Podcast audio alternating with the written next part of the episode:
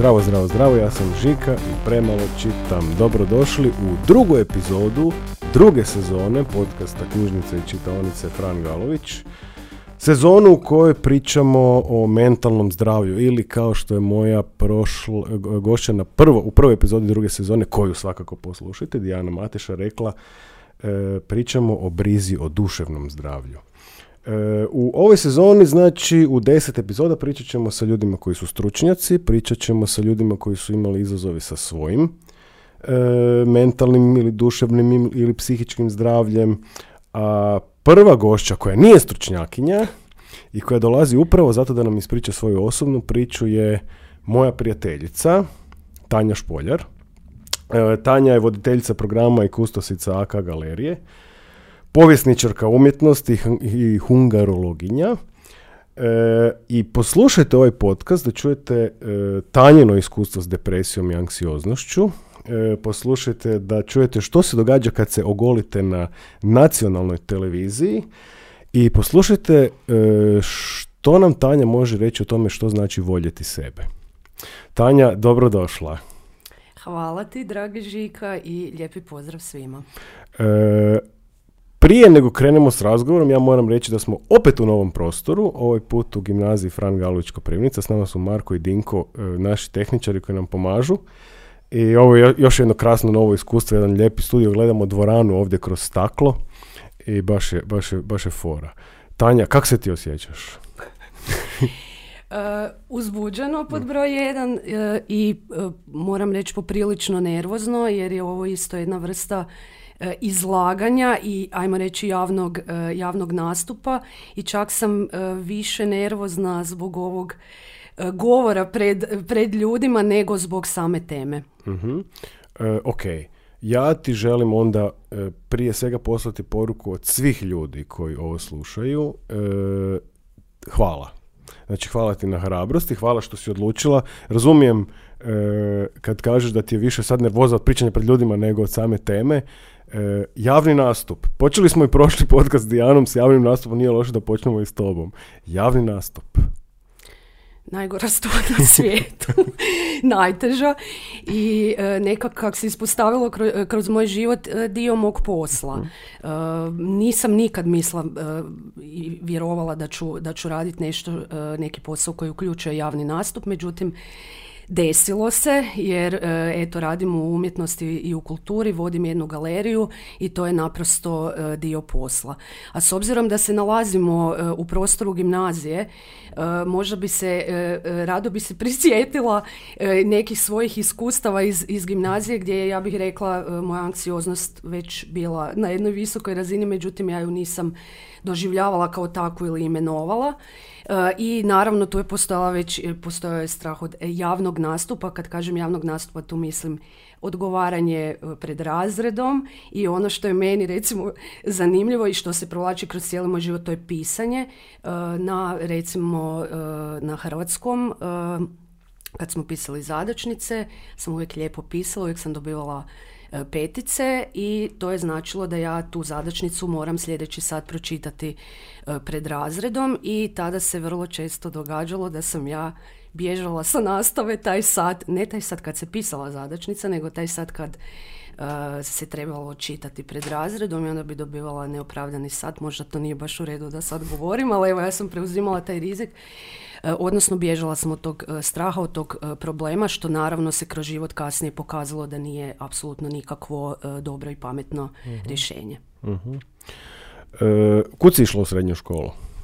Išla sam u opću gimnaziju, ali to je još tad bila ova stara zgrada, nije postojala još ova nova, nova zgrada gimnazije i bilo mi je super u školi, ja bih rekla. uh Nakon škole? Nakon škole uh, sam Uh, to je isto jedna priča koju bi se mogao posvetiti o uh, cijeli podcast o tom zapravo i strahu od neuspjeha, o tome kad ti se neka vrsta neuspjeha dogodi tako rano, a to je da nisam od prve upisala fakultet koji sam htjela, jesam taj fakultet ali ne taj predmet. I zapravo sam dvije godine studirala na filozofskom fakultetu turkologiju i hungarologiju I onda sam to jedno ljeto, to ljeto prije, prije upisa, odnosno prije ispitnih rokova i prije novih upisa na na, na studij se zainatila i rekla sama sebi da idem probati još jednom i tad sam upisala povijest umjetnosti. Ne bi baš pričala o svojem studiju jer se on dosta otegao. ja mislim djelomično i zbog ovih stvari o kojima ćemo mhm. danas pričati, ali da, evo, završila sam na kraju povijest umjetnosti i hungarologiju. I danas radiš kao kustosica i voditeljica programa u AK galeriji prije svega, važno mi je, bez obzira što sam to već rekao u prvoj sezoni, važno mi je reći koliko je AK galerija bitna za Koprivnicu i koliko je bitna za mene osobno. U zadnje dvije godine sam stvarno imao prilike naučiti puno, upoznati zanimljive ljude. E, što je to, što je posao kustosa? Što je tvoj posao? Pa moj posao uključuje uh, puno toga. Uh, od, od pripremanja programa, znači od toga da trebate imati viziju uopće kako jedan uh, program u, galeriji uh, koji se dotiče suvremene umjetnosti treba izgledati. Uh, onda suradnja sa autorima, dakle komunikacija sa autorima ili otvaranje javnog poziva natječaja na koji se umjetnici javljaju pa vi onda to žirirate. Prijavljivanje na različite natječaje, pisanje prijavnica, pisanje izvještaja, pisanje kustoskih tekstova, postavljanje izložbi, znači kuriranje e, radova i e, njihovo postavljanje u sam galerijski prostor, komunikacija sa medijima, otvorenja, različiti, mi osim izložbi imamo i različite razgovore sa umjetnicima, predavanja, radionice. Dakle, zapravo organizacija događanja samog i sve što to uključuje, ali i jedno široko praćenje e, i suvremene umjetničke scene i konstantna, ajmo reći, obaviještenost e, o tome što se danas događa i što bi bilo zanimljivo prikazati i našoj domaćoj publici. Mm, zvuči jako, e, jako puno toga. Znači, meni sad kad ispričaš što izgleda kao jako, jako puno toga, puno toga treba držati u svojim rukama. To je onak Reci mi, koji su ti izvori stresa? Znači, odnosno, koliko je taj, znači ono, svaki posao ima neki stres. Možda ima neki koji nema, ali to još nismo uspjeli saznati. Ko je, koji su stresovi posla kustosa? Pa meni čak ovo sve što sam sad nabrojala nije toliki izvor e, stresa. Mislim, dobro se organiziraš i jednostavno radiš taj posao i voliš, jer, ga i voliš. To je definitivno ovoga, olakšava sve skupa.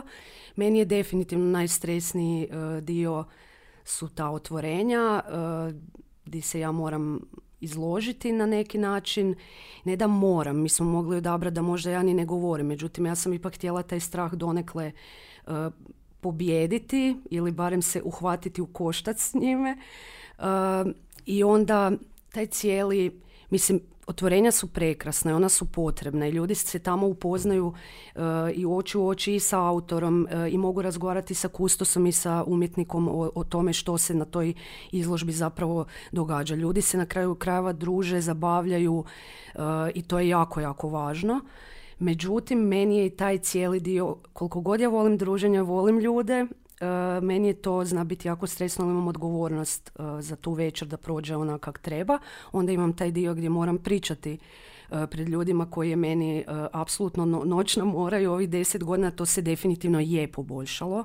Je, ja prije nisam mogla po dva tjedna prije toga spavati, sad me strah pet minuta prije i jednostavno sam odlučila prihvatiti da se moj glas trese, da se moje tijelo trese, ja to nisam naprosto kojim god vježbama sve živo sam probala, nisam uspjela zaustaviti, ali eto idem i dalje u to. To je meni stresni dio posla, ali mi isto tak i prekrasan i uh, taj osjećaj kad uspiješ prenijeti nešto što ti je važno uh, ljudima, uh, to je, to je onaj dio posla koji volim, a to je na kraju krajeva i razlog zašto sam pristala i na ovaj mm podcast jer mi je važno da se priča i o ovoj temi. Mhm.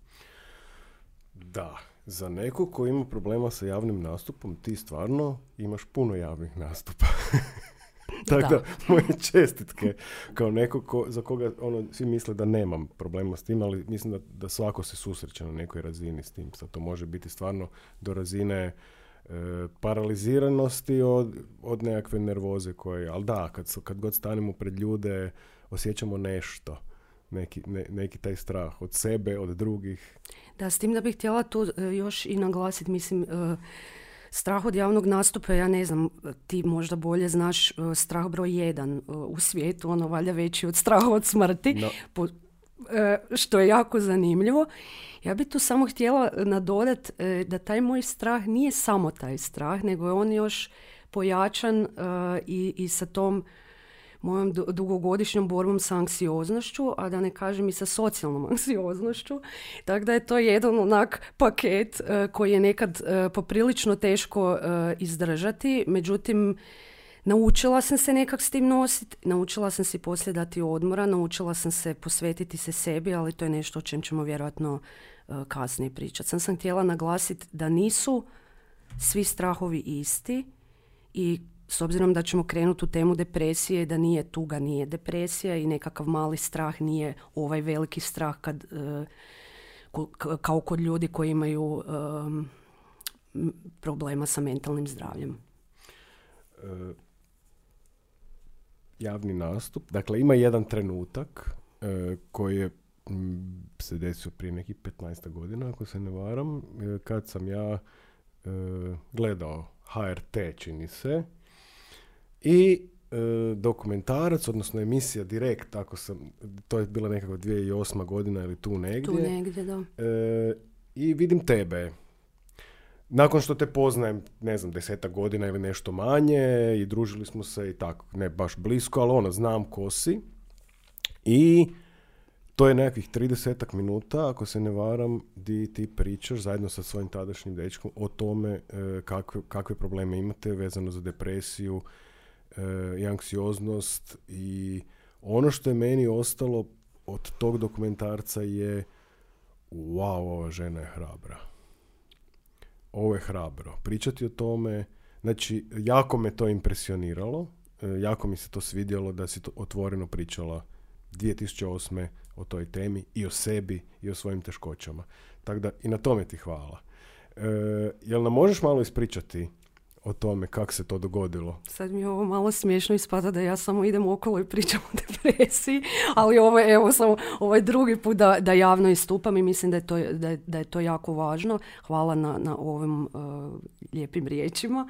Nisam to tad doživljavala kao neku vrstu hrabrosti, ja sam samo osjećala da je to, uh, da, da, je to jako, jako važno. Uh, ne, ne za mene, ne da ću ja na taj način biti bolje, nego ali da krenem malo da vratim priču. Znači u to vrijeme uh, ja sam negdje, ja sam počela imati probleme sa mm, depresijom, anksioznošću uh, i paničnim napadajima, što je najgore zapravo od, od svega negdje sa svojih uh, 20 godina otprilike. I u to vrijeme samo da nekak uh, slušatelje ovoga, uh, da im malo kontekst prikažem. Bilo je interneta, ali uh, nije bilo, ne znam, nije bilo Instagrama, Facebooka i tih stvari. I zapravo nije bilo nekih platformi gdje ste vi mogli čitati, učiti, saznati ili bilo šta, čuti nečiju priču o tome da nije dobro. Um, postojali su forumi koji su meni uh, dosta tad pomogli i bio je baš forum sa, sa uh, temom uh, depresivno-anksioznih poremećaja. Međutim, i to je nekak bilo jako suzdržano, ne znam kako bi to rekla. I tad sad da, se, da, da malo odem u, u napred do, do tog snimanja, znači to je Fejdinova produkcija, emisija Direkt, isto, nažalost, ne mogu se sjetiti koja je točno godina, da li 2008 ili 2007, nebitno. To je bila jedna ekipa ono genijalna koja je radila tu emisiju sa vrlo važnim i društveno angažiranim temama i nekakvim tabu temama i nekim stvarima koje su naprosto stigmatizirane u društvu. I ono što je meni bilo zanimljivo, e, znači za sve moguće teme oni su dosta lako našli sugovornike, međutim za temu e, e, mentalnog psihičkog zdravlja oni su jako, jako dugo tražili nekog. Obično imaju troje ljudi po emisiji, oni su jedva našli za tu emisiju dvoje, dakle mene još jednu dragu ženu koja je među vremenu umrla. I tu se onda još pojavljuje i moj tadašnji dečko, tako da nas je ipak bilo troje.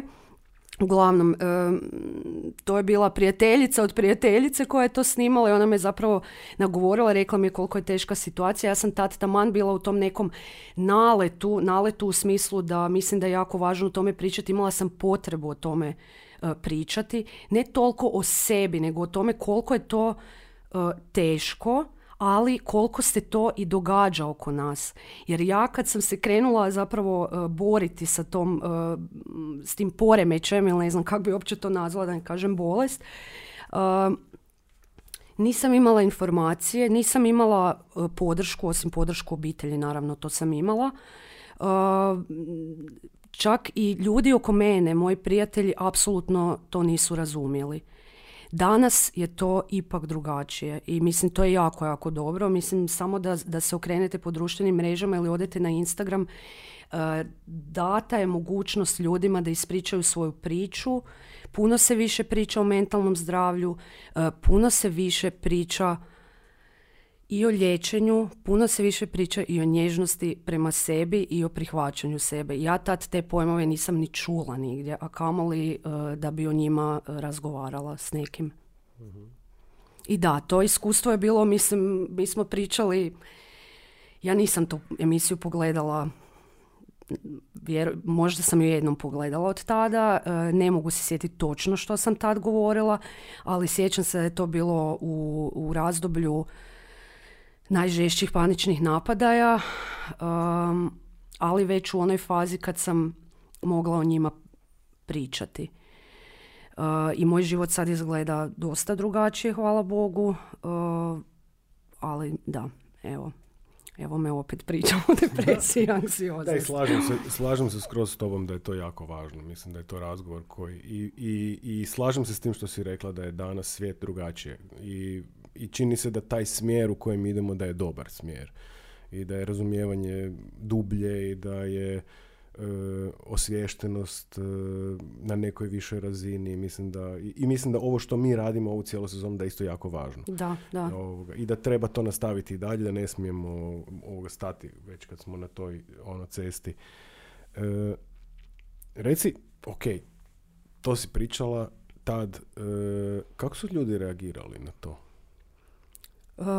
Zapravo to je, to, je, to je ono kaj mi je bilo važno. Mislim čak, ajde, da niko i nije prišao da nisam dobila re, reakciju, ok, dala sam svoju priču van i nadaš se da, da će to neko čut i da će neko vidjeti da se ipak, uh, da nije sramota potražiti pomoć, uh, da ima oko tebe ljudi koji se nose sa tim problemima koji su mislim ti od njih kao ne umireš, mislim ono nije, ali ali su to paralizirajući problemi koji te jako, jako mogu, ko što su mene, e, zaustaviti u, u životu, usporiti u životu.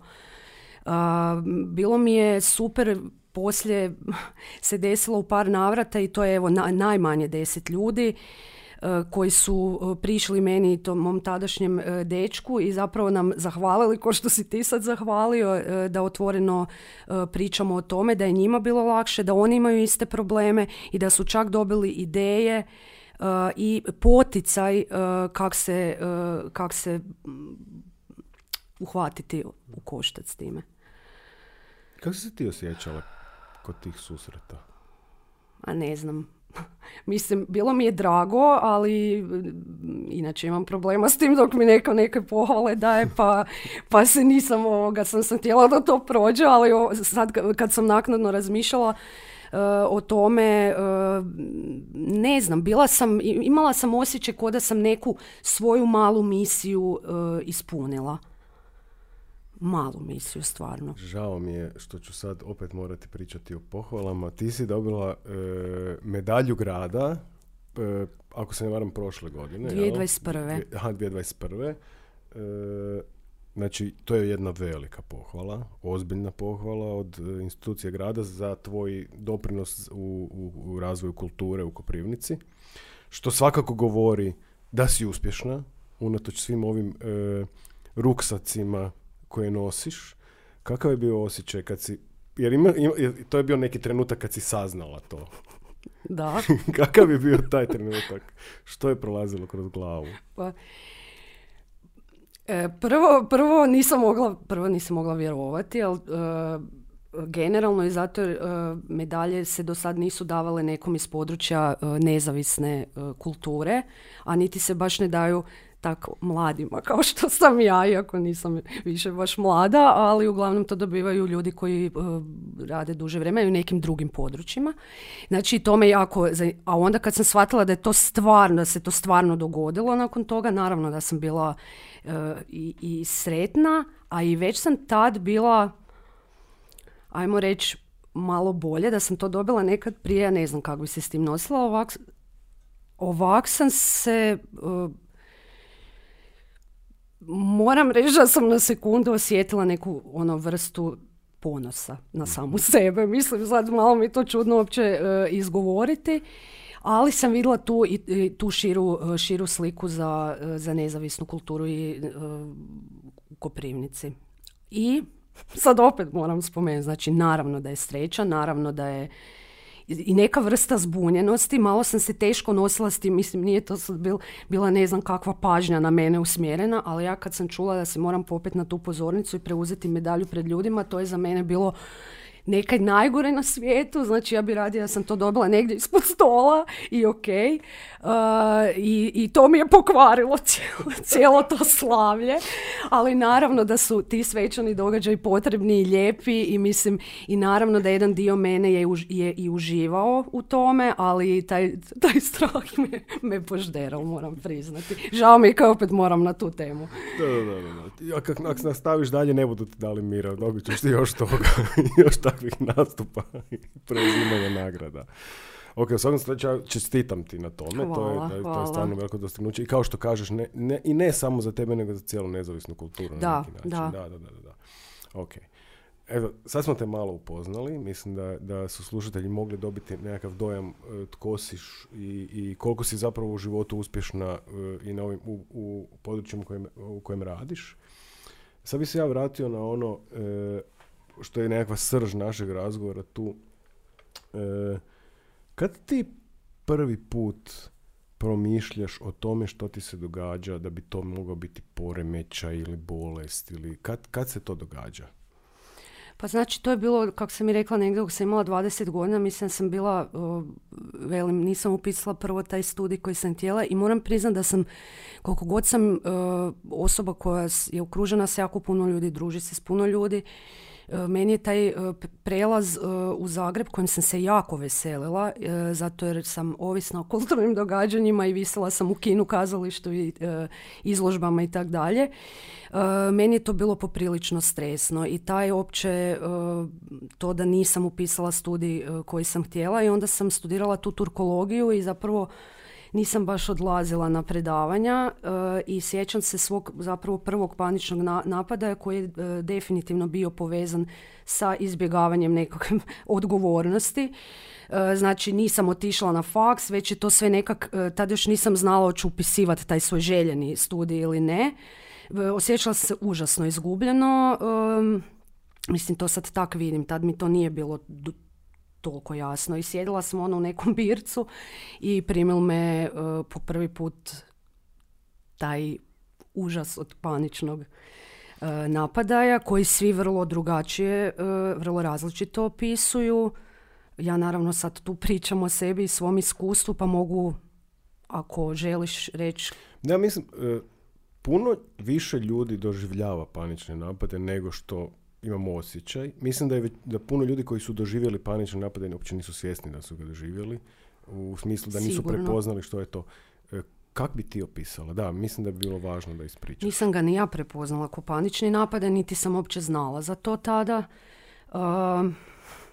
kod mene, mislim, često čitate o tome, ne znam, dlon, e, znoje se dlanovi, srce jako lupa, uh, osjećaš se malo izgubljeno, ne možeš disati i tak dalje sam doživjela jednu, i to sve, ali jedan potpuni kaos u glavi. Ne znam to niti, znači kad ti sve oko tebe, da li buka, da li tišina, da li ovo ili ono, tebi smeta i sve je pojačano na entu i ja sam, jako, meni, kod mene je to jako bilo usmjereno na srce, na lupanje srca i znači ja sam, imala sam osjećaj koja ću poludjeti, iako ne znam što to znači kak to izgleda kad čovjek poludi, ali evo ja sam imala osjećaj, evo ja ću sad poludjeti, nek me vode nekam i, i, i umreću, to je bilo ono kaj me, znači dobit ću sad srčani, ja to ne mogu izdržati, znači ti kam god izađeš, kaj god napraviš, da li si ostao tam sjedit, pričaš s nekim, neko te umiruje, tebi niš ne paše, ti imaš osjećaj da ćeš iskočiti iz vlastite kože, ne paše ti ni da počneš vrištat, ne paše ti ni da šutiš, znači jedna potpuna, uh, potpuni kaos u tijelu, ne znam kako bi to drugčije uopće nazvala, koji je apsolutno neizdrživ.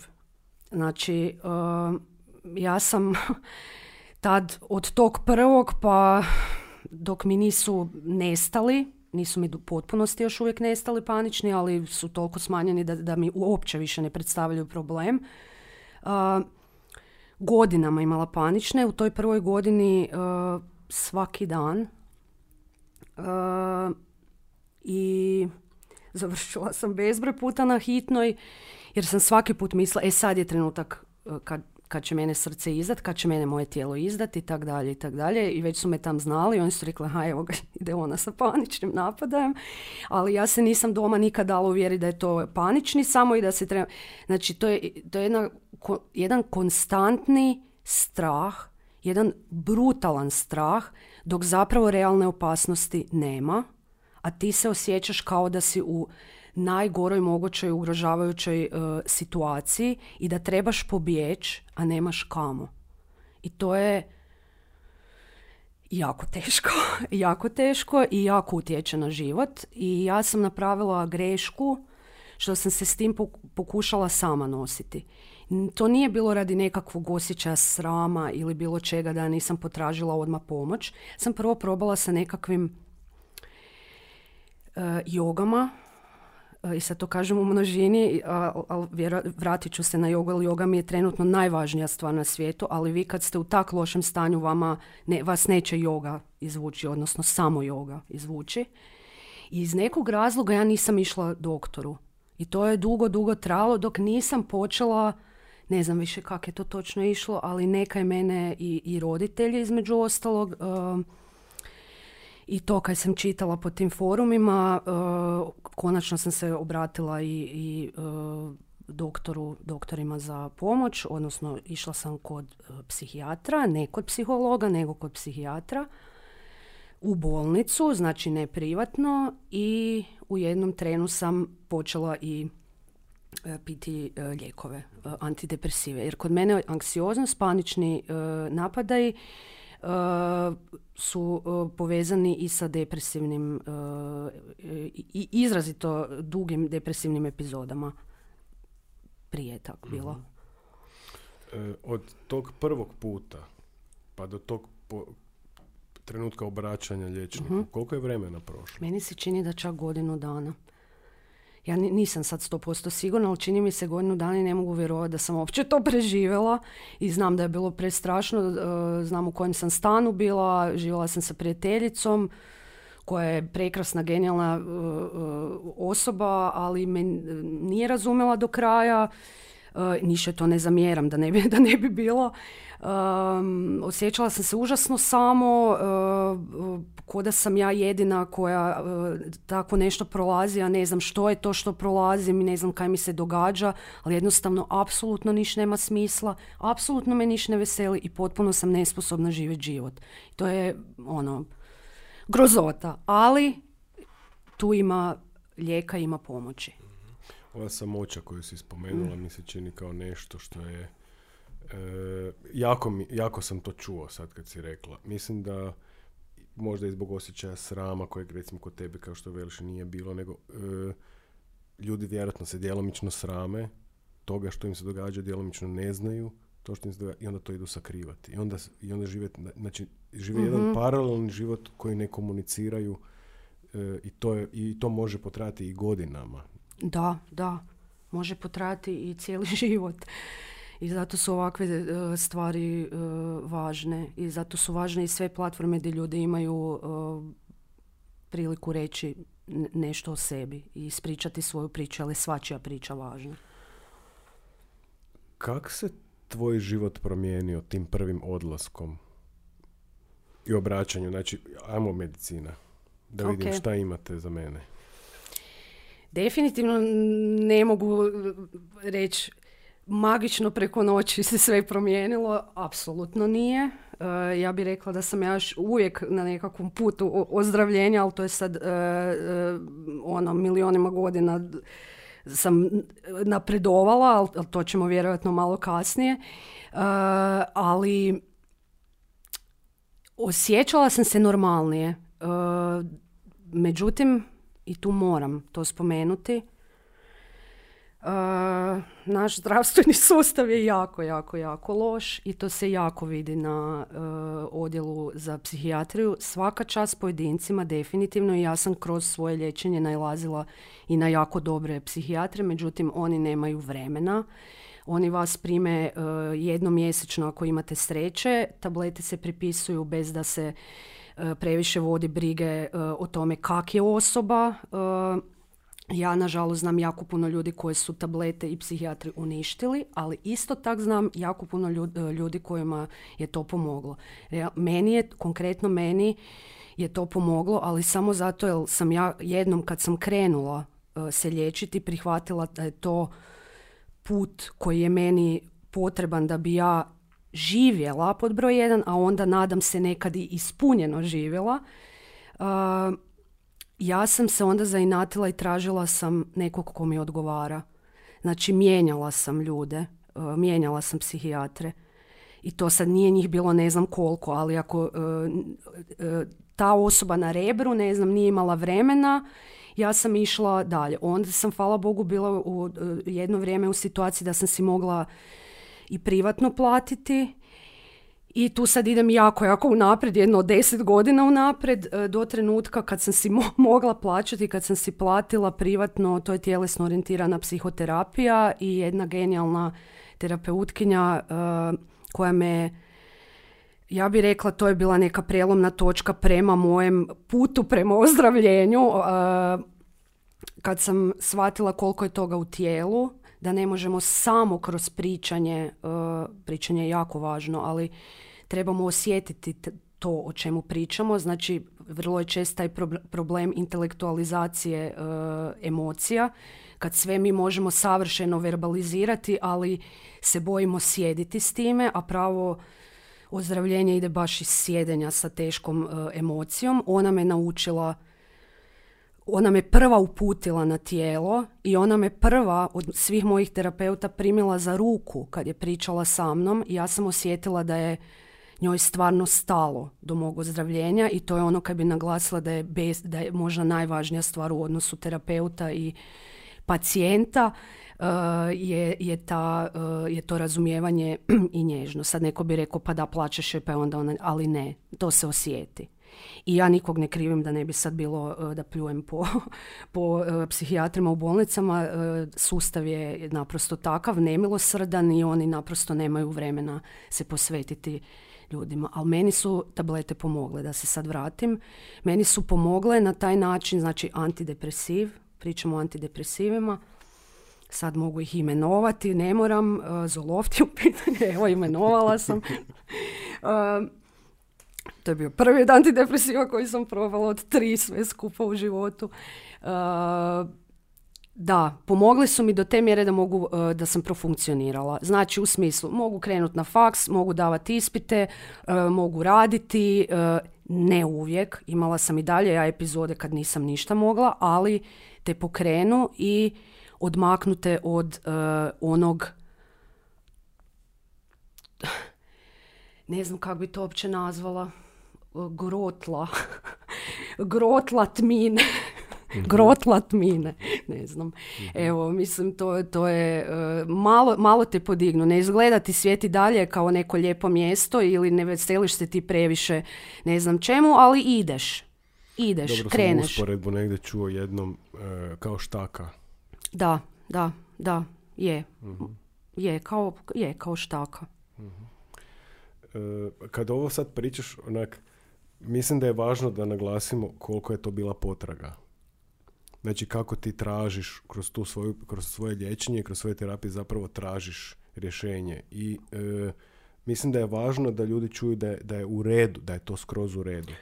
Apsolutno, da. I, ali to je javiti se e, kao prvo depresivno-anksiozni poremeći su prepuni osjećaja krivnje. Pogotovo ako ti ne dolaziš, sad ja, ja nikad nisam, ja nemam neku veliku traumu koju mogu imenovati, upred prstom u nju reći ja sam zbog toga takva i takva. Ja sam i zbog toga osjećala krivnju, jer kao imam sve u životu, pa kaj je meni? Zakaj sam ja kao nezadovoljna, to nije nezadovoljstvo. A isto tak ljudi znaju osjećati krivnju kao da previše traže ako mijenjaju psihologa, psihijatra, terapeuta. Ne, ono, moraš si biti sam sebi na prvom mjestu, e, ideš da bi tebi bilo bolje, to nije uvreda nikome i ne paše svakome ista osoba. Neko ko je meni, jednostavno se nisam s njim povezala, neko drugi se poveže, a najbitnije je povezati se. Jer govorimo o stručnjacima, to su sve stručnjaci. Znači, meni je to e, najbitnije, najbitnija stavka. I, I inače, uvijek je e, u redu je mijenjati mišljenje kroz život i mijenjati svoj put koliko god e, puta želite. To, to definitivno. Kako je tvoja depresija i anksioznost utjecala na tvoje odnose s ljudima? A,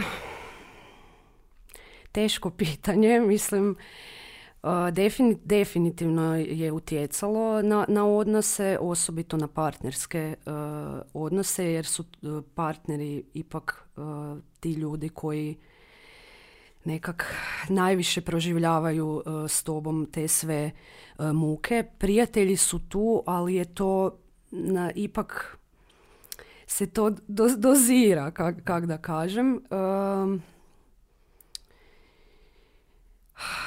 Ne mogu reći da sam ikog izgubila zbog toga, uh, ne. Ali mislim da bi možda neki ljudi ostali u mom životu da nije, da nije bilo ovih stvari, ali opet te stvari su bile tu i ti ljudi su se nosili s tim kako su znali i, umjeli i ne znam, ali definitivno mo- ono moram uh, naglasiti da imam, imam pod, podršku imala sam podršku i opet moram spomenuti, mislim, obitelj uh, i, i prijatelji koliko god nisu uh, i oni koji nisu doživ, uh, zapravo svačali do kraja problem, recimo sad kak gledam ono, tipa da, sadašnju situaciju danas, puno više svi svačaju te stvari, puno su se e, naučili su se, e, mislim i ti ih naučiš kroz, mislim ja sam znala objasniti, molim te kad izađemo, ne znam, van na kavu, ja mrzim kave, ne moram sediti u kafiću, ovo ono, jer me hvata panika. Već svi znaju ono nekak da kaj se treba napraviti, kako da kažem, i ono kaj mi je jako važno, sa svima sam e, poprilično otvoreno razgovarala i meni je puno lakše ako se loše osjećam da to izgovorim, a ne da e, skrivam. A trenutno, hvala Bogu, imam oko sebe stvarno genijalne ljude kojima ne moram ništa ni objašnjavati. Jako lijepe poruke šalješ, stvarno mislim da lijepe poruke šalješ. E, je se ljutiš ti na svoju depresiju i anksioznost? E, joj, dugo sam se ljutila, e, dugo sam se ljutila, ali sad se apsolutno e, ni, nimalo ne ljutim. Jer mislim da me puno toga naučila i da je to jednostavno na neki način, ne, ne sa neki sudbinski način, ali da je tre- trebao biti moj put. E, mislim da sam nekak došla do sebe kroz e, tu depresiju. Zakaj se to sve događalo, to nećemo uopće ulaziti u to. Mislim, događa se i dalje. E, da, ne ljutim se više. E, volim ju. Što te naučila?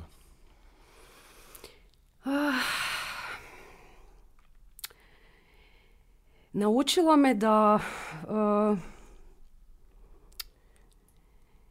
pojavila se s razlogom. Mislim, ta neka e, samo mržnja i ne- nekakva, nekakvo neprihvaćanje same sebe je zapravo od uvijek bilo u meni. Sad kad gledam bolje. Ja sam spominjala tu svoju 20. godinu kao početak nekakvih problema, ali ja bih rekla da sam sad kad pogledam zapravo djetinstvo bila hipersenzitivna, a nisam to, nisam to nekak uzimala e, kao nekakav faktor bitan nisam se sebi posvećivala svoj strukturi ličnosti kakva je i svojem biću, da, da sam ga poštovala. I mislim da me depresija tome, tome uh, naučila, da se zaustavim, da, dam, da, da prodišem, uh, da si dam ono što mi treba. Mislim, dugo sam ju ja gurala od sebe. Dugo sam ja i te panično od sebe gurala. Znači, oni su meni bili neprijatelji. Tek kad sam to prihvatila, da su oni tu uh, i nekak zajedno s njima ruku pod ruku mhm. krenula živjeti, oni su nekak nestajali. A samim time sam ja i sebe e, više počela e, prihvaćati. Ali to je sad, to je, to je isto duga, duga priča. Dug je taj put bio od, od te depresije paničnih do toga da e, sad, ja sad živim bez paničnih i ono volim sebe malo više nego, nego prije. To je, to je dugi put. Da, to si, mislim da je to isto važno, da, da taj napredak nije brz. Ne. Nije, nije brz, definitivno. Znači, ako idem gledat u godinama, to je kod mene 20 i nešto godina. Mislim, to je napredak, mislim, to je put koji još nije završen i ne bude vjerojatno do kraja života, ali s tim poremećajima zapravo uh, vi ih se nikad do kraja ne riješite. I znači meni se i sad javljaju depresivne epizode i anksioznost apsolutno, međutim sve to puno kraće, puno manje intenzivno i ja to puno bolje prihvaćam i jednostavno si prigrlim samu sebe, zagrlim samu sebe i naprosto si dam da budem takva kakva jesam i sjedim, ležim, plačem uh, s tim emocijama koje uh, imam i tu dolazim do, do nečeg, sad mi dobro ovoga, dođe nešto što sam e, svaka htjela e, napomenuti, a to je e, toksična pozitivnost i sve ono što se danas vrlo često u, u nekakvim duhovnjačkim sferama gura, protiv kojih nemamo apsolutno ništa ako su, puno toga je tu dobroga ali ta toksična pozitivnost, znači samo, razmi, samo razmišlja pozitivno, e, afirmacije, ovo ono. Recimo za mene je to totalno, totalni užas. E, e, jer te zapravo tjera da, da šutiš. Zapravo te tjera da ne pričaš o tome kako se osjećaš, a ja mislim da je put prema nekakvom ozdravljenju baš to da prihvatiš apsolutno svaku svoju emociju, da prihvatiš svaki dio sebe i da kroz uh, to prihvaćanje zapravo dođeš i kroz te mini transformacije koje ti se pritom događaju, a koje su vrlo često dosta teške, crne i svakakve, da dođeš do, do nekakvog smisla. Super. e, imam, imaš tu jedan papir na koji želiš baciti oko da vidiš da li želiš još nešto reći. Jer ono, malo imaš i ovaj problema sa kontrolom. E, ili, ili, malo. ok. E, možeš napraviti nekakvu ono definiciju, rekao sam na početku, e, što znači voljeti sebe? Sad si puno već toga rekla, ali onak neki kao zaključak. Što znači voljeti sebe? Da pogledam za tanju, u papir. Za tanju špolje, pogledaj si u, u šalabahtere. Pa sve ovo koje sam zapravo mislim već e, rekla da, da prihvaćaš svaki dio sebe, kakav god on bio. I ono što je jako važno da si opraštaš stvari i da si svjestan toga da si e, čovjek i da svako od nas ima i loše i dobre strane i da te loše strane uh, isto tak prihvatiš, pogotovo mislim ja sam godinama živjela u ono samo bičevanju i, i, i mrzila sam se zbog najmanjih grešaka, kamoli zbog nečeg gdje bi stvarno E, pogriješila. I sad već kad imam priliku, mislim to je, e, kad smo spominjali ono nekad prije, e, kak je izgledalo, kako se nije pričalo o depresiji, znači tak se nije pričalo ni o nekakvom, nekakvoj ljubavi prema sebi, mislim, uopće taj pojam. I meni se tu, zapravo ja sam preko preko jedne psihologinje, ali koja je inače i se bavi i meditacijom, budistička je eh, učiteljica, ajmo reći. Prvi put uopće došla do, eh, do tog pojma nekakve ljubavi prema sebi i ono kaj meni kod nje bilo prekrasno je, ona ima taj termin radikalnog samoprihvaćanja i radikalne ljubavi e, prema sebi i ima i taj cijeli niz meditacija, ali to sad ne, ne stignem pričat koji je to, mislim to je genijalan jedan slijed meditacija gdje ti zapravo upravo to detektiraš svoj, svoju emociju u tom trenutku, samo ju promatraš bez osude i onda ju na neki način prihvaćaš i, i zagrliš. To sad može zvučati jako naivno. I to, ovo nisu sad stvari, da se razumijemo, koje ja preporučam ili govorim osobi koja je sad u ovom trenutku u teškoj depresiji, paničnom, to, to vam u tom trenu neće pomoći. To su stvari koje dolaze kad ste malo već stali e, na noge i onda su definitivno dobro došle, isto kao barem za mene, yoga e, i šetnje u prirodi, dvije najvažnije stvari. E, ali da, tu je bilo kad sam, ovo je bil trenutak, ona se zove Tara Brak, ako je nisam uništila sad ime, ima je posvuda, može se naći na youtube i tako dalje. E, znači, ona, mi je, ona me uvela u tu neku opće ideju koji je to put. Ja nisam mogla vjerovati da ja mogu sebe ne, ne, kriti, ne samo kritizirati, nego ono i reći pa ok si takva kakva jesi. Ja sam bila užasno stroga prema sebi. Mislim da je to vrlo čest problem anksioznih, depresivnih ljudi.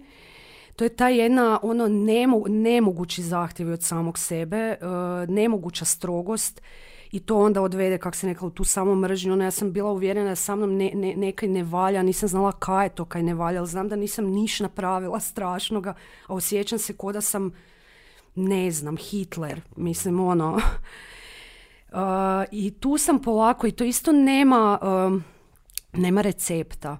Znači ne mogu ja sad reći, to, je, to su isto sitni koraci. Sitni koraci da se ti pojavljaš tu sam za sebe. Sitni koraci da ti reagiraš drugačije na neke svoje greške. E, na kraju krajeva je da sam sebe zagrliš. Mislim, to zvuči jako smiješno i pogotovo prvi put kad se zagrliš, to je ono, pa, mislim, debilno. ali stvarno funkcionira. Mislim, i yoga te uči da se pojavljaš tu sam za sebe kad se pojaviš na toj e, prostirci. Znači, to su sve sitne stvari i, i vrijeme prolazi i ti kužiš da si bolje. Ne mogu sad, evo, ne znam kako bi to e, zapravo definirala. Uh, definitivno to ima veze i sa time kako se razgovaraš sam sa sobom. I to ne ako ja imam negativne misli da ih ja trebam samo potisnuti. Ne, čujem ih, ali baš ovo kako sam već ispričala. Znači, prihvaćat sebe, sve, sve svoje emocije, i biti ok s time. Što naravno ne znači da ne radiš na sebi i da želiš biti bolji čovjek. Da ne bi sad bilo prihvaćam sve i baš me briga. Ne, ne, ne to. Nego ono, ja sam dobra kakva jesam. Mislim, uvijek se mogu poboljšati naravno, ali e, ništa, sve suštinski je sa mnom sve u redu. Uh, u tom smislu, evo. Ne znam. Hvala ti. Mislim da si odlično objasnila. Mislim da si puno, puno, puno toga rekla jako, jako, jako dobro. Tako da ovo su prekrasne poruke. Hvala ti na... Ja ću još jedan put sad reći da ti nisi stručnjak, ti si osoba sa iskustvom i sve ovo što si rekla je tvoje iskustvo i to nisu preporuke za liječenje. Znači, to je, to je bitno da ljudi čuju, ali mislim da je jako, jako važno ovo sve što si rekla. Ja ti se stvarno zahvaljujem u ime svih koji slušaju. E, Sad ćemo preći na sljedeće poglavlje. Ne smemo zaboraviti da smo mi tu ovoga, e, zbog e, dobrote naših producenata knjižnice i čitaonice Fran Galović. Pa, e, ajde reci ti što je tebi znači knjižnica u ovom, u ovom kontekstu? Ili općenito u bilo kojem općenito mi, općenito mi knjižnica puno znači i knjige mi puno znači i to, e, i to je tako od malena. E, da li sam tako odgajana ili sad to je apsolutno ne, nebitno, ali dok se sjetim djetinstva i, i ljetnih praznika, znači ja bi išla svaki dan u knjižnicu. Svaki dan. Znači ja bi toliko čitala da bi svaki dan odlazila. Da ne velim da sam ko jako, jako malo išla na pričonice i obožavam našu knjižnicu. Obožavam. I obožavam taj mali prostor, ali jedva čekam da dobiju veći, puno ljepši, bolji i primjereniji i da im svima bude ljepše unutra i nama, korisnicima. Uh, jako, mi je, jako mi je bitna, uh, bitne su mi knjige. Uh, pomogle su mi i u ovim stvarima i tu sad ne mislim samo na nekakve ili self-help ili knjige iz popularne psihologije ili filozofije ili ne znam čega, makar naravno i to, nego bilo koji roman. Uh, I da, htjela sam reći, ja obožavam knjižnicu, ali mislim da knjižnica baš ne obožava mene, jer uvijek kasnim sa, sa vraćanjem. Um, I mogla bi ti nabrojat možda neke knjige. Pa zašto ne bi nabrojala neke knjige? koje su meni bile da, bitne. Knjige koje su tebi bile važne. Da, mislim, uh, ovo je podcast knjižnice, pa mi potičemo čitanje na kraju krajeva, pa ajde, udri. Mislim, uh, zakaj sam sad spomenula uopće romane. Lijepo, jako je, jako je i za mentalno zdravlje uh, važno tu čujete te druge priče koje mi sad čujemo ovako od, od stvarnih ljudi, ali mislim i stvarni ljudi su pisali te knjige, tako da su to njihove priče. Meni je to puno pomagalo kad, eh, kad čitaš o, o tuđim eh, iskustvima. A ja sam si, evo za ovaj dio sam se pripremila, malo sam si zapisala neke, eh, neke knjige ovoga kroz život koje su mi bile važne, a koje su mi recimo trenutno važne ili sam ih čitala u, u zadnje vrijeme pa bi ih preporučila, s obzirom da je ovo podcast o čitanju. Uh, znači, iz ranog djetinstva, sad uh, dvije najvažnije knjiga, Aliso zemlje čudesa i Čarobnjak iz Oza, uh, iz djetinstva malo nekog, to jest kad sam već bila ne znam koji razred, definitivno i, i možda moja najdraža knjiga svih vremena, od Sunčane Škrinjarić, Ulica Predaka, i malo kasnije od srednje škole od Margaret Dira Ljubavnik koju sam pročitala vjerojatno 20 puta. Uh, jedna meni jako, jako važna knjiga sa početka faksa, uh, važna, ali sad nemam vremena za to, nažalost, ali uh, koja me iz područja duhovnog, ajmo reći da sad, da sad ne, ne, ne proširim priču, to je autobiografija jednog jogija od Joganande, meni možda najvažnija knjiga ikad koju sam pročitala. Uh, uz zadnjih... Zašto? Znaš, spominješ, nemamo vremena, sad nemamo vremena, ne znam kud ti žuriš.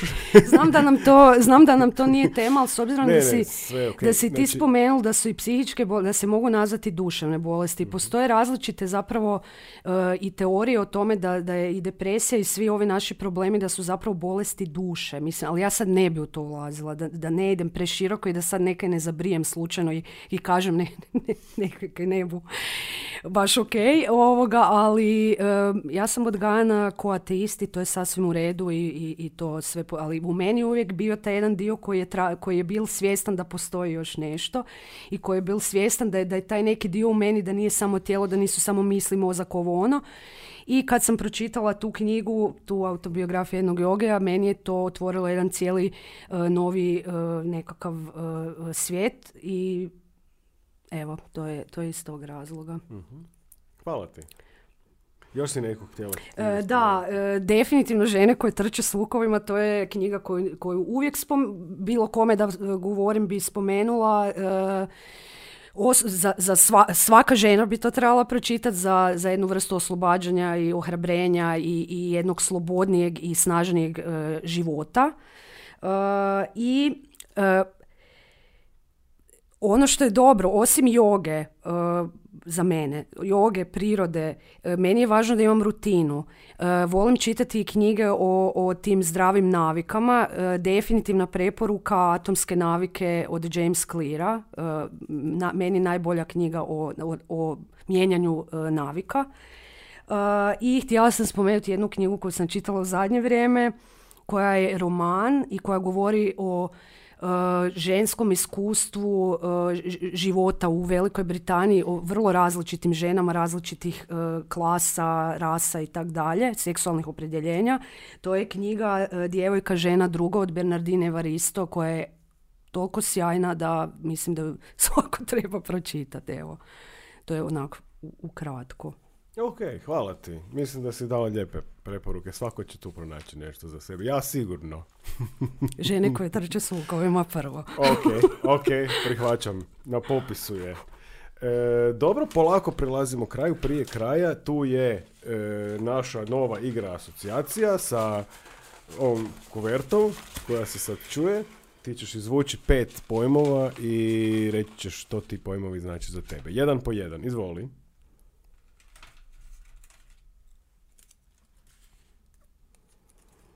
Smijeh. Smijeh, ok. Joj, najljepša stvar na svijetu i nema, nema ljepšeg dok se smiješ s prijateljima i, ona, i onda onako svijestiš čovječe, ja živim, živim, volim i smijem se, evo, na, najljepša, najljepša stvar na svijetu, definitivno. Nice. Može dalje.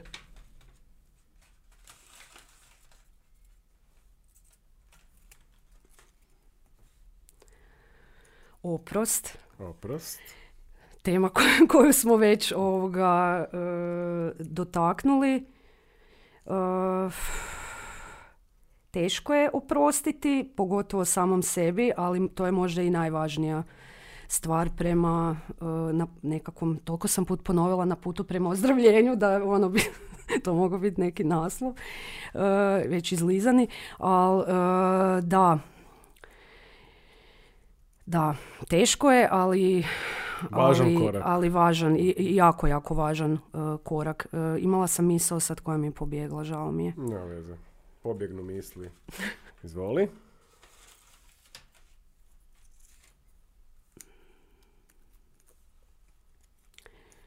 Ponos. Ponos. Oj. Ne znam, ponosna sam da sam ovo preživjela. Točno sam znao da ćeš to reći. Možda ne tim riječima, ali htio sam ti to sugerirati. Ako se ne snađeš, tako da čestitam. Oprostite koji sam tak na sebe fokusirana, Paralelno. a ne na ponos kao gen.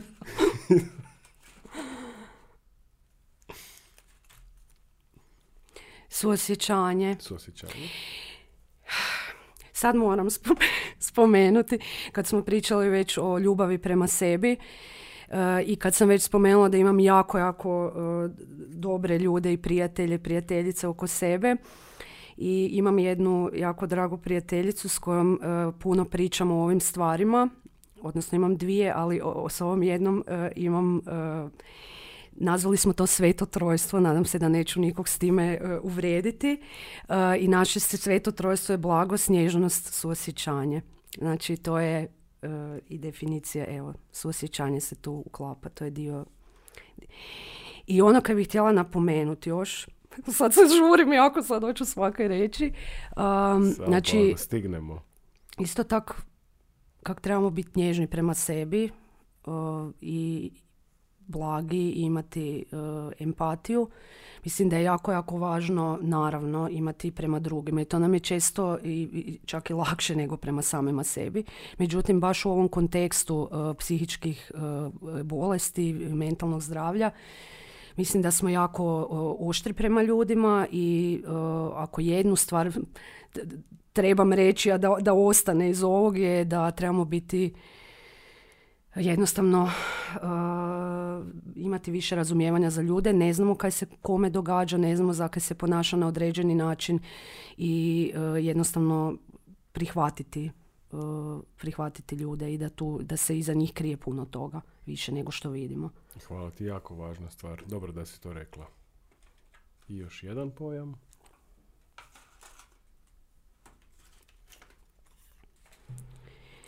Osobni potencijali. Op. Ko je to stavio unutra? Uh, mm, da, to je, uh, to je recimo osobni potencijal je nešto što kad ste u uh, anksioznosti i depresiji apsolutno ne postoji. Kakav potencijal ne postoji ni život, a kamoli potencijal. I onda kad se počnete buditi, mis, budi, to je sad kriva možda riječ, ali ono, malo ste bolje, uh, onda počneš i o sebi razmišljati kaj uopće možeš uh, raditi.